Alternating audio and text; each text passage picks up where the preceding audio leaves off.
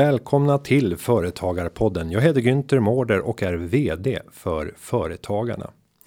Det här avsnittet ska vi ägna oss åt att eh, börja förstå vilka effekter som krisen kan ha på oss som företagare och organisationerna som vi leder. Vad är det vi bör göra i detta nu för att vara bättre förberedda på den tid som väntar efter den här krisen? För det är klart att ja, det finns ett efter.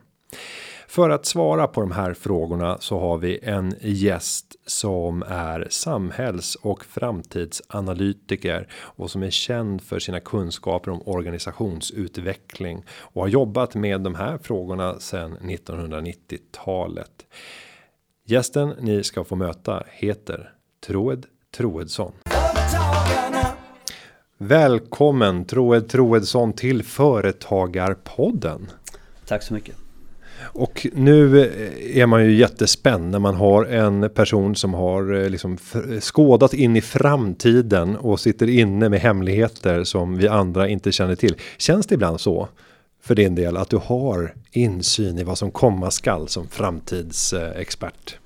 Ja, det, det, det är svårt att svara på ett vettigt sätt utan låta pretentiös som fasen. Men Ja, det känns ibland så. Å ena sidan, nej den här pandemin såg jag inte komma såklart. Eh, däremot att vi skulle drabbas av disruptiva förändringar som skulle ställa extrema krav på, vi kommer tillbaka till de här flosklerna som agilitet och omställningsförmåga och, och, och reaktivitet och så.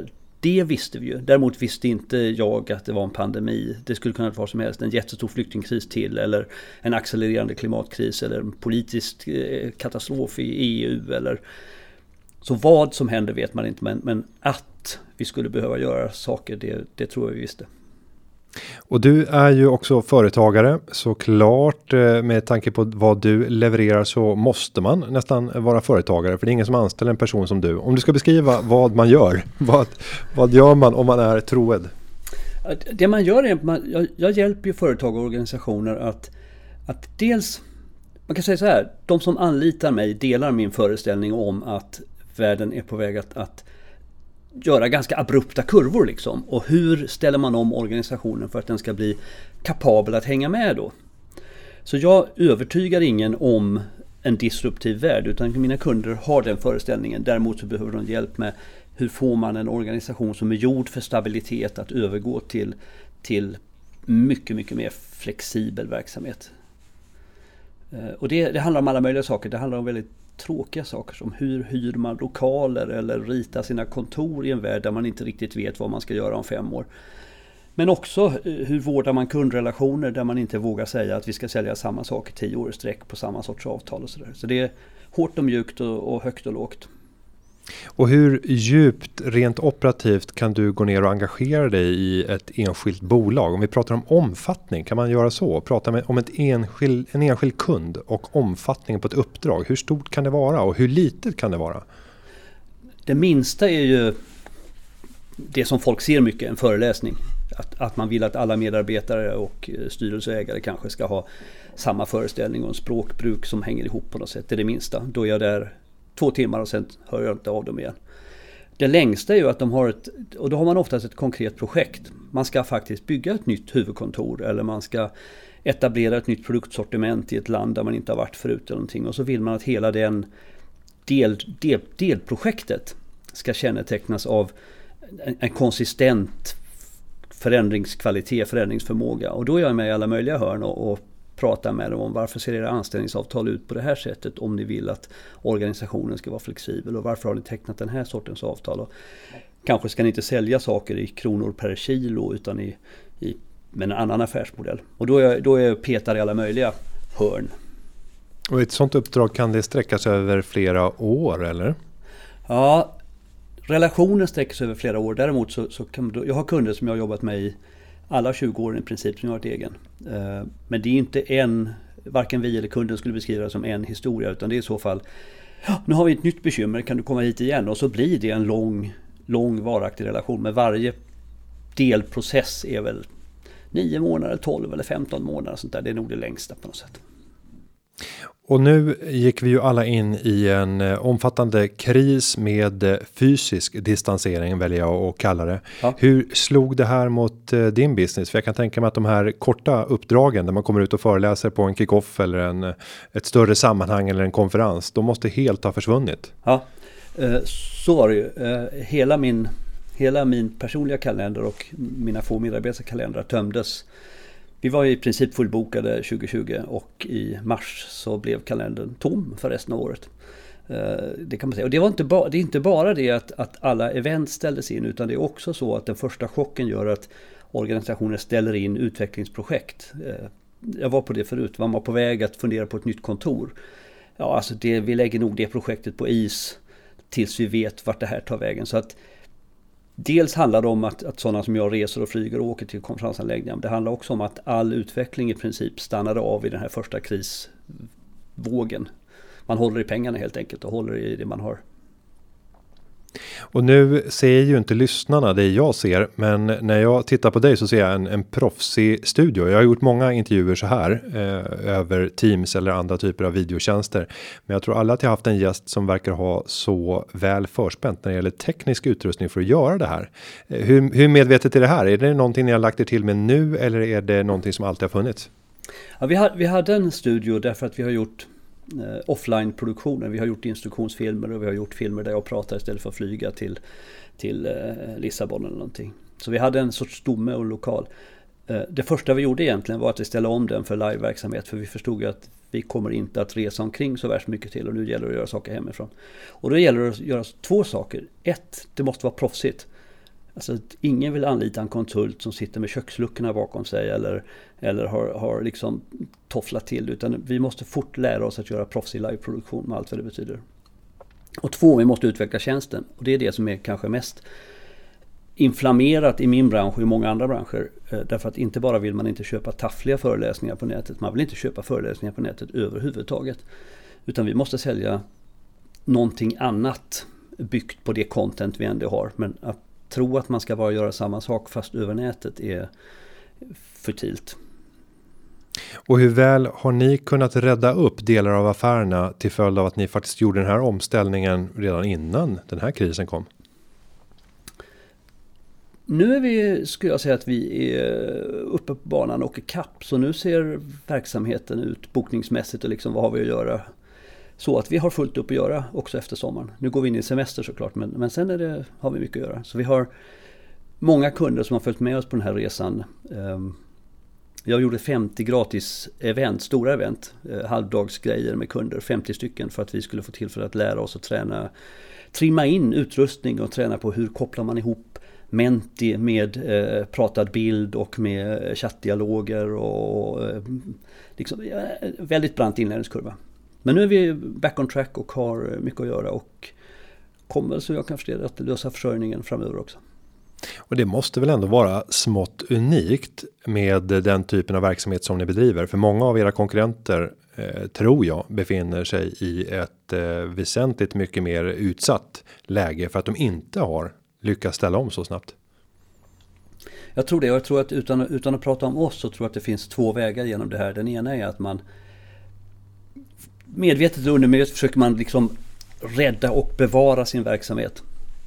Jag ska inte tala om mina kollegor men, men att säga vi måste lära kunderna att digitalt måste få kosta handlar egentligen om att man tror att man ska kunna fortsätta göra det man gör och så ska kunden anpassa sig till den nya situationen. Och det, andra, och det spelar nog ingen roll vilken bransch man är i. Man, man försöker rädda det man gör och så hoppas man att utsidan ska anpassa sig till de nya förhållandena. Och så finns det det andra eh, förhållningssättet som handlar om att nej men det kommer utsidan inte att göra. Eh, och det du har gjort fram tills nu, det dog alldeles nyss. Eh, så nu är frågan hur du kan använda, för du har en jädra massa värdefulla pusselbitar, det har ju alla. Hur kan du använda dem för att sätta ihop det till ett, ett nytt pussel som passar i mid-corona och post-corona? Som inte är bevarande och konservativt, utan som är, vad ska vi göra istället då? Och om vi nu går på den här pågående krisen så säger man ju alltid this time it's different. Eh, och min fråga till dig nu är så här, hur annorlunda är det vi ser av den här krisen? Ja, självklart att pandemin på sitt sätt då är ju unik i, i någon mening. Vi får gå kanske tillbaka till spanska sjukan och liknande mm. för att hitta motsvarande, men hur unik är det här krisförloppet som vi ser? Vad skulle du säga? Jag skulle säga att det påminner mig om en, en jordbävning där man eh, en jordbävning består ju egentligen av att det har byggts upp ett tryck under väldigt lång tid mellan sådana här tektoniska plattor. Eh, och sen så kan det vara en liten händelse eller nästan ingen händelse alls som utlöser det här. Och så rycker allting till och så går det inte alls tillbaka till det gamla utan det är om då den här jordbävningen har utlösts av en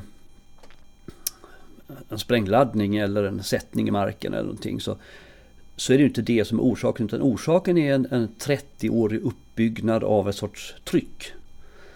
Och vi har i, i organisationsvärlden, i västvärlden i alla fall, sett ett sånt här tryck. Vi har sett en, en uppbyggnad av digitalisering och en uppbyggnad av... Eh, vi har gått omkring och sagt sånt som att den gamla industristrukturen i företag den är nog död. Och, och vi har sett en uppbyggnad i i entreprenöriellt arbetssätt och entreprenöriellt lärande och allt vad det nu är. Men inget av det har egentligen hänt. Utan det har legat där som en latent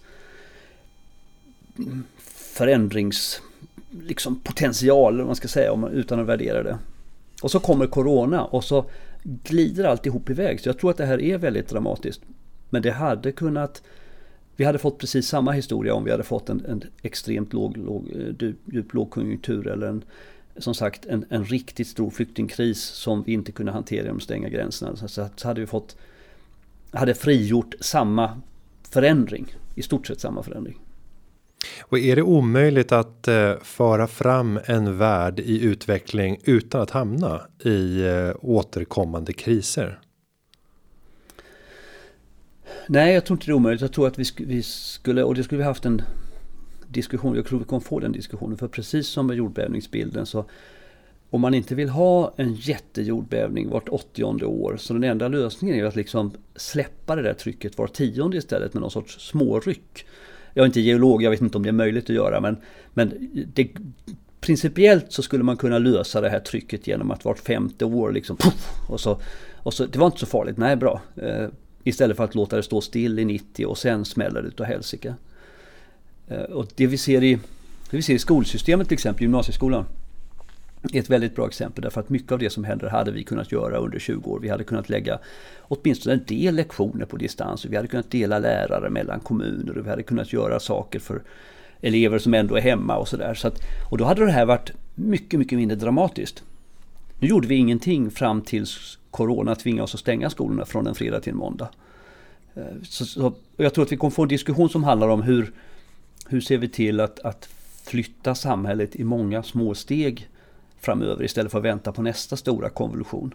Ja, vårt sätt att, att alltid förhålla oss till det som har varit. Jag vet en bekant vars dotter började skolka från skolan och det här blev ett bekymmer och eh, de fick hem ett brev och det blev samtal om den här skolken och hon konstaterade bara att jag har en sån fruktansvärt dålig lärare i det här ämnet. Mm. Så att jag tittar hellre på Youtube sändningar. För där mm. kan jag komma åt de bästa lärarna i världen och då förstår jag. Ja. Och helt plötsligt så börjar det komma till insikt att vänta nu, hon tillgängliggör sig kunskaperna men på ett sätt som är bättre avvägt inför hennes förutsättningar. Ja. Men det gamla systemet sa att det där får du inte göra, så där funkar inte. Utan nu blir det repressalier här. Så är det ju, och man får inte... Meningen med det här det här pratet är ju inte att varken romantisera de som inte går till skolan eller stigmatisera skolan. Men det är, det är precis så. Och även de som går till skolan har i många år, i, i många fall, gått hem efter mattelektionen och så tittat på sin favoritmatte-youtuber, för att få det där förklarat en gång till. För att jag fattar vad han säger, jag fattar inte vad läraren sa, men det gör ingenting. Jag går hem efter, efter lektionen och så, och så kollar jag en gång till. Och det här är, alla vet om det, det har hänt länge, men vi har inte vi har inte byggt in det i systemet utan vi liksom låtsas som att det inte finns.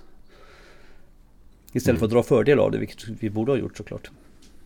Men om vi nu ska försöka spåna eller vad säger jag? Jag om det.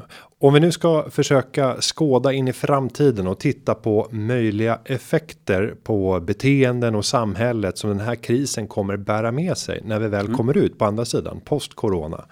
Vad tror du kommer att eh, särskilja det där nya normala? Kommer det vara så annorlunda jämfört med det vi har idag? Ja, om du med idag menar januari i år. Mm, istället för, ja precis. Tiden före, eh, pre-corona. Precis. Eh, ja, det kommer att skilja sig. Eh, jag har, jag har flera kunder, stora industrikunder också, som säger att vi har börjat bygga om rekryteringsprocesser och ledningsprocesser på ett sätt som gör att vi kommer inte gå tillbaks till post-corona sätt att, att förstå vår egen organisation eller att göra saker. Eh, och jag tror att vi kan också urskilja en del, en del gemensamma kvaliteter i det. Digitalisering är självklart en. Eh, en annan är det som man kallar branschglidning eller diversifiering. I början på 1900-talet så fick vi lära oss av Taylor att man ska vara bra på en sak. Man är alltså egentligen antingen livsmedelshandlare eller bank. Man är antingen rörläggare eller eh, åkare eh, och sådär. Eh, och det som händer i kriser, vare sig det är liksom stora stora stormen i Småland när elen var borta i tre veckor. Eller det är Corona. Det är att man upptäcker att ska man vara lite mer lättfotad så måste man nog också vara lite bättre på att täcka lite mer. För det, vi kommer inte få ihop pusslet om man bara är en väldigt smal sak. Så då diversifierar man och det här har ju, har ju pågått innan också. Eh, livsmedelshandlare är banker också. Eh, bensinstationer är inte alls bensinstationer utan de är ju precis allt möjligt som en bilist kan tänkas behöva. Och den här utvecklingen kommer att accelerera och kommer inte att gå tillbaks. Därför att vi, kom, vi lär oss nu ganska hårdhänt att om du har många strängar på lyran så att säga. Så har du väldigt mycket lättare att, att flytta på dig lite grann om någonting händer. Så, så branschglidning och digitalisering och om vi då tittar på den vanliga marknadslogiken så har vi ju sett eh, väldigt ofta att branscher konsolideras och det blir ett fåtal stora jättar kvar som dominerar just det här fältet till för eh, till, till nackdel för mångfalden och alla de små aktörerna som under resans gång har blivit uppköpta eller blivit utkonkurrerade. Ja. Och om vi nu tittar på den tiden som väntar kommer det att eh, födas en möjlighet för de mindre och snabbrörliga att faktiskt kunna komma tillbaka på marknader som tidigare har varit eh, välkonsoliderade och med höga inträdesbarriärer för att jättarna har lyckats skapa sig närmast omöjliga barriärer att ta sig igenom. Ja, men bara bara i branscher som kräver fysisk närvaro. Eh, så att eh, om vi tar den här gymnasieskolan som vi pratade om alldeles nyss. Jag, jag tror att vi kommer så småningom få se globala skolentreprenörer som levererar hysteriskt bra mattelektioner över nätet. Eh, och det kommer vara väldigt, väldigt svårt för skolan i Eslöv att, att konkurrera med det.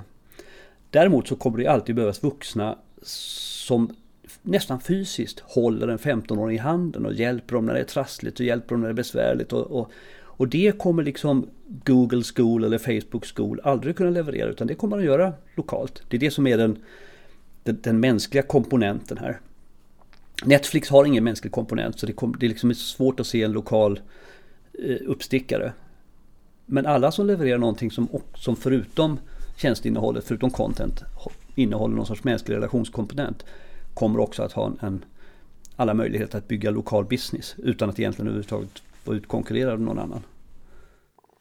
Och det låter på dig då som att man som småföretagare verkligen bör titta på sin affärsmodell och analysera hur kan jag stärka min sociala interaktion ja. med de som jag tänkte göra business. Ja. Hur, hur, hur, kan man eh, göra det ställt i relation till att alla andra står och skriker att du måste digitalisera, du måste hitta en affärsmodell där du kan sälja på på nätet och hitta kunderna på nätet och balansen däremellan.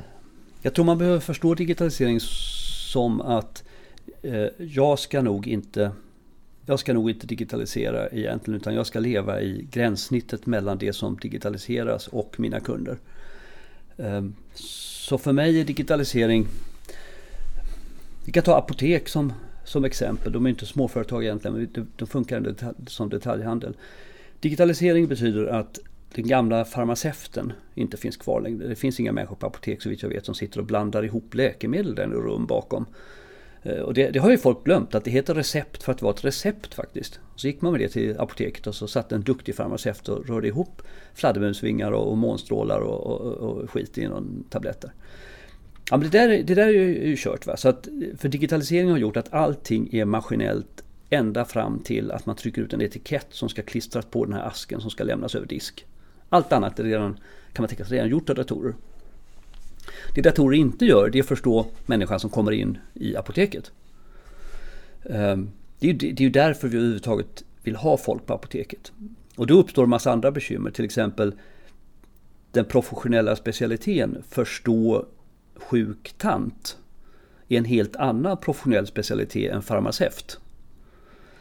Ehm, och den professionella eh, kompetensen att förstå en kund kan också innebära att man funderar på om man skulle sälja kosmetika, eh, sexleksaker och julkryddor när du nu ändå är här och det är december.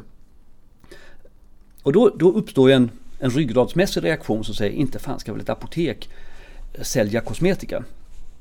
Nej, om du tror att ett apotek definieras av att man är duktig på läkemedel så har du säkert rätt. Om ett apotek definieras av att du är duktig på folk så är det svårt att förstå varför du inte skulle sälja kosmetika när folk ändå har kommit in i butiken och behöver Ipren och en eyeliner.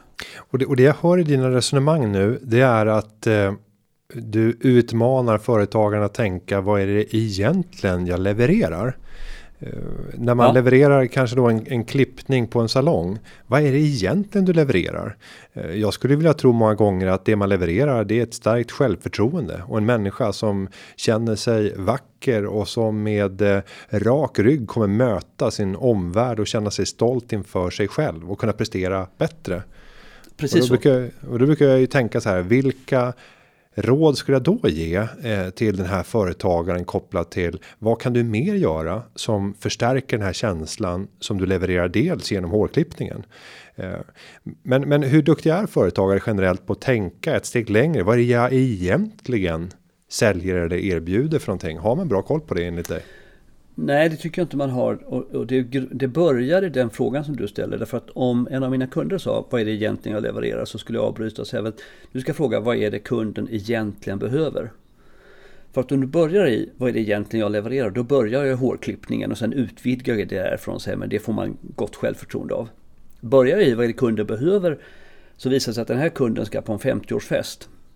Eh, och på en 50-årsfest med släkt som alltid har tyckt att, att man har varit en jävla slarver. Och alltså det finns, en, det finns en jättespännande kontext i den som skulle kunna ge mig väldigt mycket mer input i, nu pratar jag igen om en bransch jag inte kan, men hur borde en sån klippning se ut då? Ja, jag ska träffa farmor och svärmor och svärfar, de har varit sura på mig sen vi gifte oss. Va? Och, och, ja, ja, men då ska du kanske inte ha spikes. Eh, och det är en annan story än vad är det jag levererar och hur skulle du kunna få... Det egentligen är det samma story men man börjar i andra änden och då, då kommer man till överraskande slutsatser. Men har du något tips på hur man som företagare kan komma åt den där frågan? Vad är mina kunder efterfrågar? För de kommer ju inte svara på det själva. Nej, utan där måste man ju göra analysarbetet själv. Ja. Vad, hur kan man förlösa det här? Vi, jag brukar säga till våra kunder att du ska, du ska tänka ungefär som, man ska inte tänka på sina kunder som barn, men ungefär som när man har barn. Man frågar inte barn vart vill ni åka på semester? Eh, för det uppstår, två saker uppstår. För det första så säger ungarna Liseberg. Eh, och så sitter du i någon sorts, där du antingen måste säga ja då gör vi det. Vilket är rätt torftigt. Eller nej det gör vi inte. Vilket är ännu torftigare därför att ungarna har ju trott att du har skapat en, en, en överenskommelse när du ställer frågan. Så det man gör det är att man ställer sig vid spisen och så lagar man mat och så lyssnar man på ungarna. Och så försöker man lägga ihop, man, man blir liksom en mini-Steve Jobs. Och så säger man, om jag förstår vad det är de pratar om och vad de tycker är kul och inte tycker är kul så ska jag sen föreslå dem ett semestermål som de själva inte skulle tänkt på men som är exakt. Så de kommer säga, det här var ju precis vad vi ville. Så där måste man göra med kunder också. Man måste, man måste iaktta dem och förstå dem.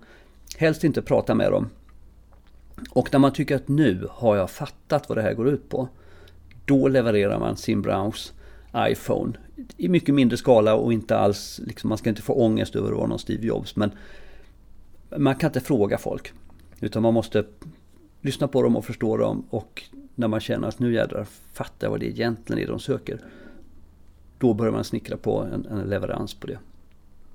Och många företagare som jag träffar som är i uppstartsskedet lägger väldigt stor vikt vid sin affärsplan och affärsidén som den grundas på. Mm. Eh, men då brukar jag alltid säga att det är inte det som kommer att avgöra det. Den behöver inte vara briljant.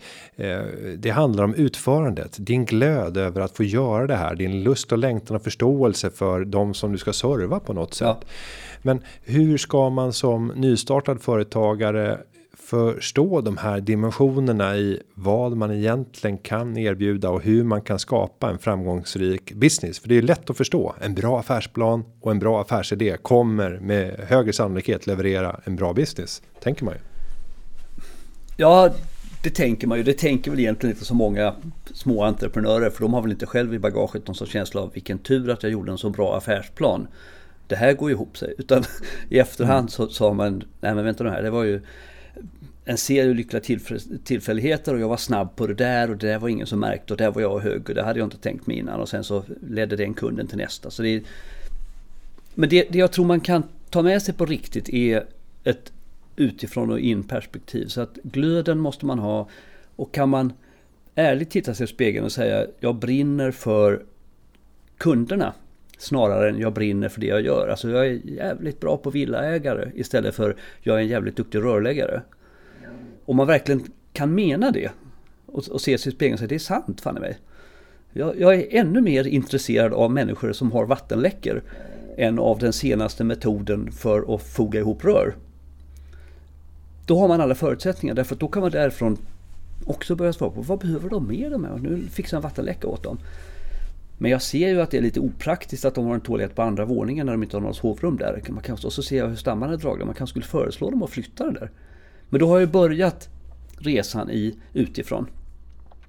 Och då är den dystra sanningen den att väldigt många småföretagare är småföretagare därför att de är duktiga på det de gör.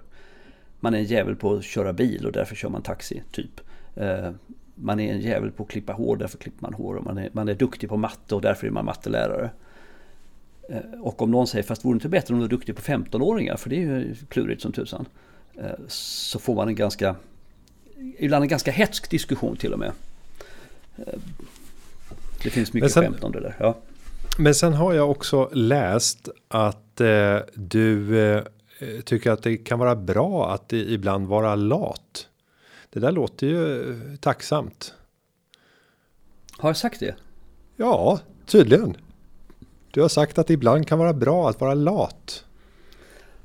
Ja. Då tänkte jag att du skulle få utveckla det så att vi kunde med eh, gott samvete gå runt och, och känna oss lite lata och samtidigt inte få dåligt samvete. Men det är jag ingenting du vill kännas vid.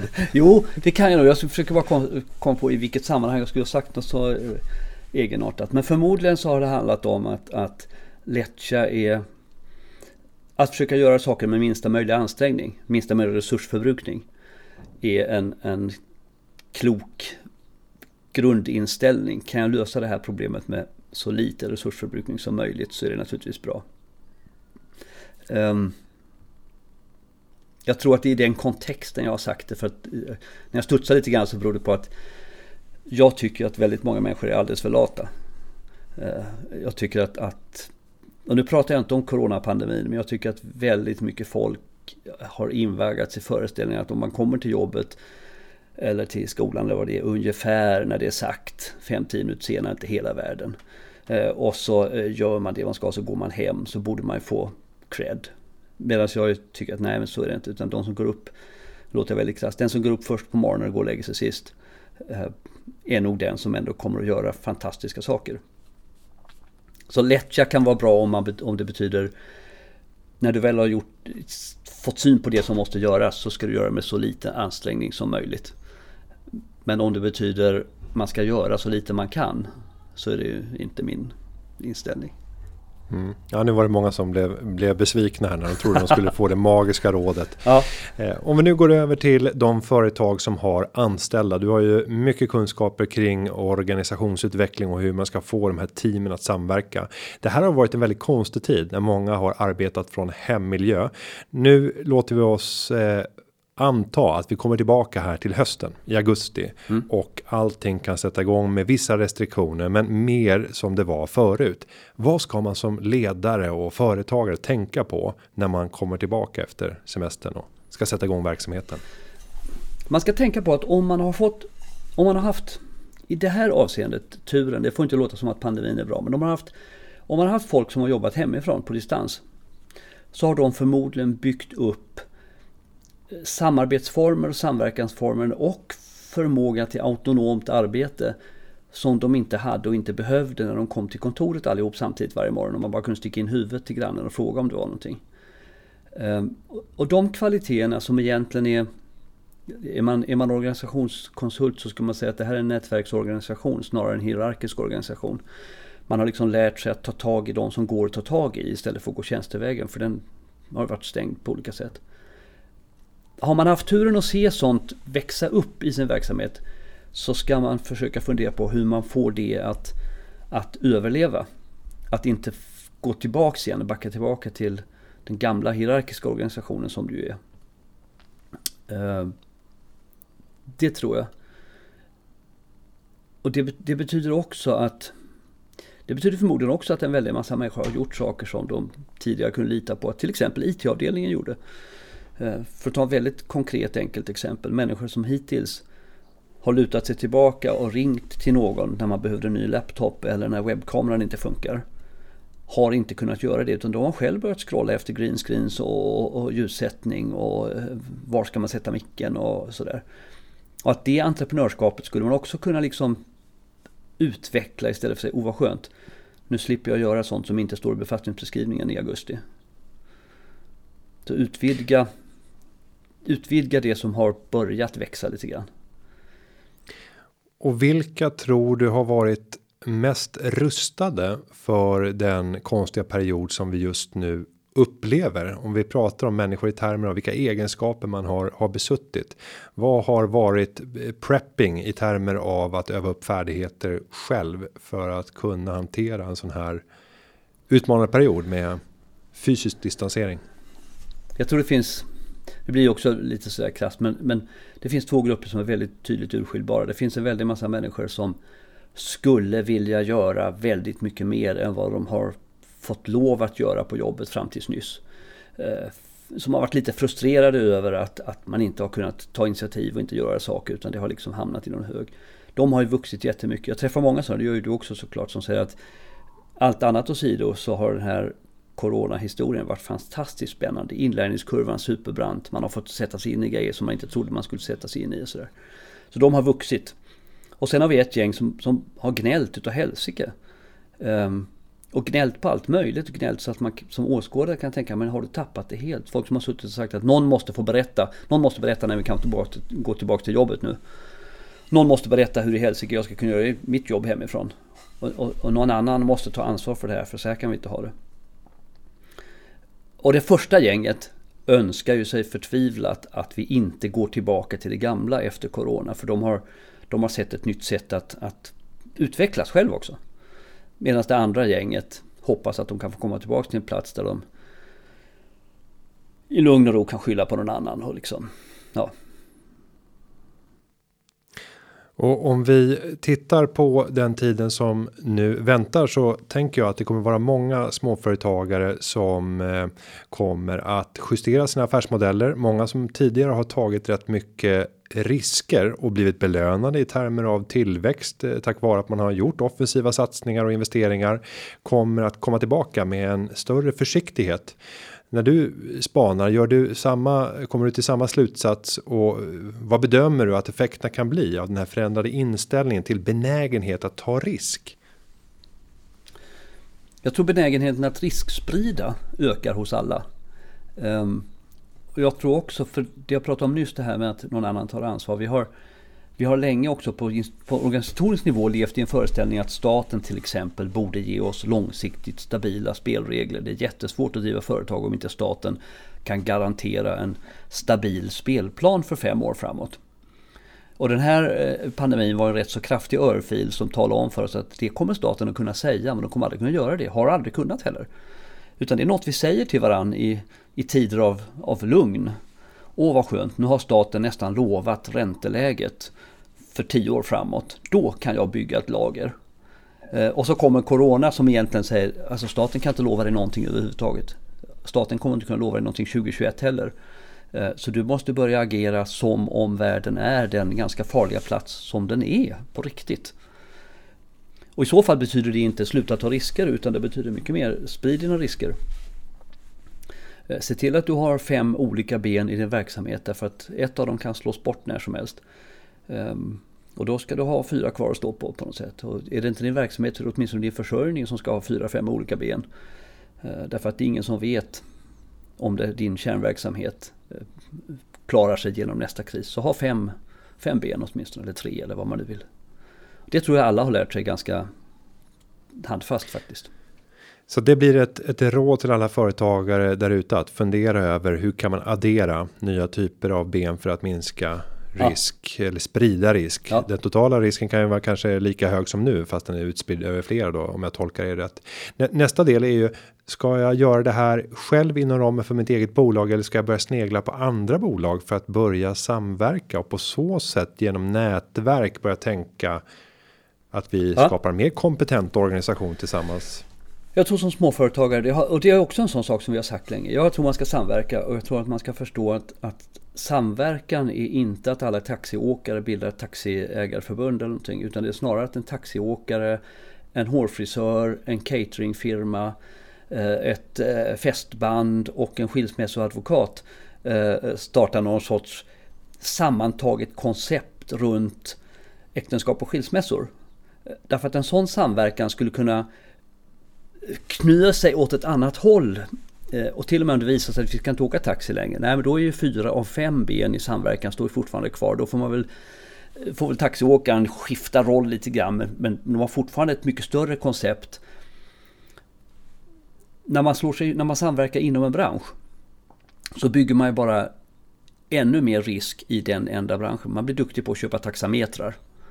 Eh, men man är ju totalt oduglig på att hantera en händelse som drabbar taxibranschen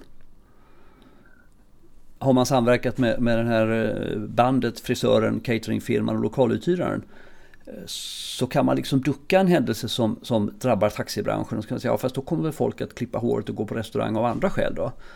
Eh, och går de inte på restaurang så ska de väl i alla fall åka taxi och, och klippa håret och ha fest. Fast då är vi på ett annat sätt. Så att man samverkar över gränserna istället för inom de här branschstuprören som vi är väldigt vana vid. Och man hör ju det som ligger en närmast och det jag hör när du berättar eh, det du säger nu.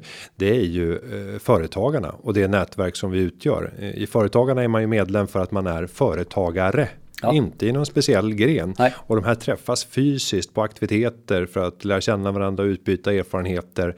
Och det kan ju bli ett enormt starkt nätverk. Ja.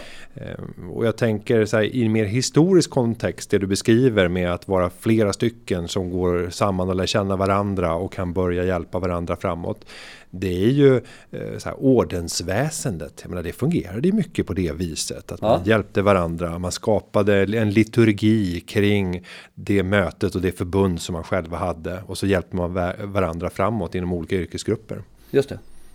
Um, precis. Eh, jag vill inte låta som att jag förespråkar ordensväsendet. Nej, men, men du får gärna förespråka företagarna. Det, det, det, är precis så. Jag förespråkar företagarna. Jag, jag, jag tänker att om man om man inom ramen för en organisation som Företagarna, som ju är branschöverskridande, kan hjälpa till att bygga strukturer som gör att affärer också skulle kunna vara branschöverskridande. För om jag går tillbaka till det vi började prata om, min egen verksamhet, så det optimala vore ju att jag ingick i ett nätverk som hade lite mediefolk och, och lite tekniker och, och, en målare för att måla green screen, det var väl kanske att ta i, men du fattar vad jag menar. Mm. Och, och, det gör jag, men det gör jag mer på ett personligt plan. Den professionella verksamheten är fortfarande så att konsulterna hänger i ett hörn och, och, och alla eventljudtekniker och alla som vet saker om mickar och trådlösa grejer.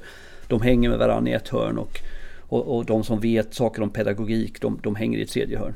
Så skulle företagarna kunna bli ännu mer en, en verksamhet där man faktiskt bygger affär över branschgränser så är det ju precis det jag efterfrågar. Det kanske företagarna är.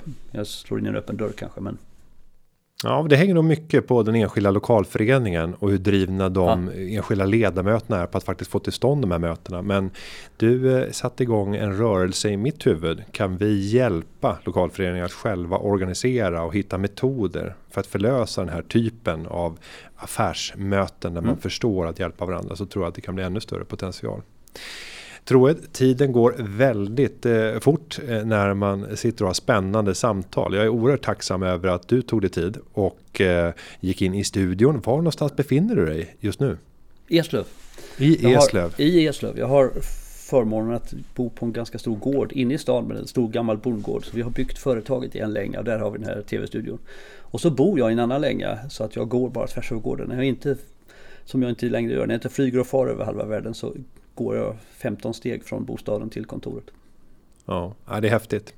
Stort tack för att du var med i Företagarpodden och lycka till framöver. Jag hoppas att vi ses framöver. Tack så mycket. Jag hoppas det också. Ha det bra. Hej. Tackar.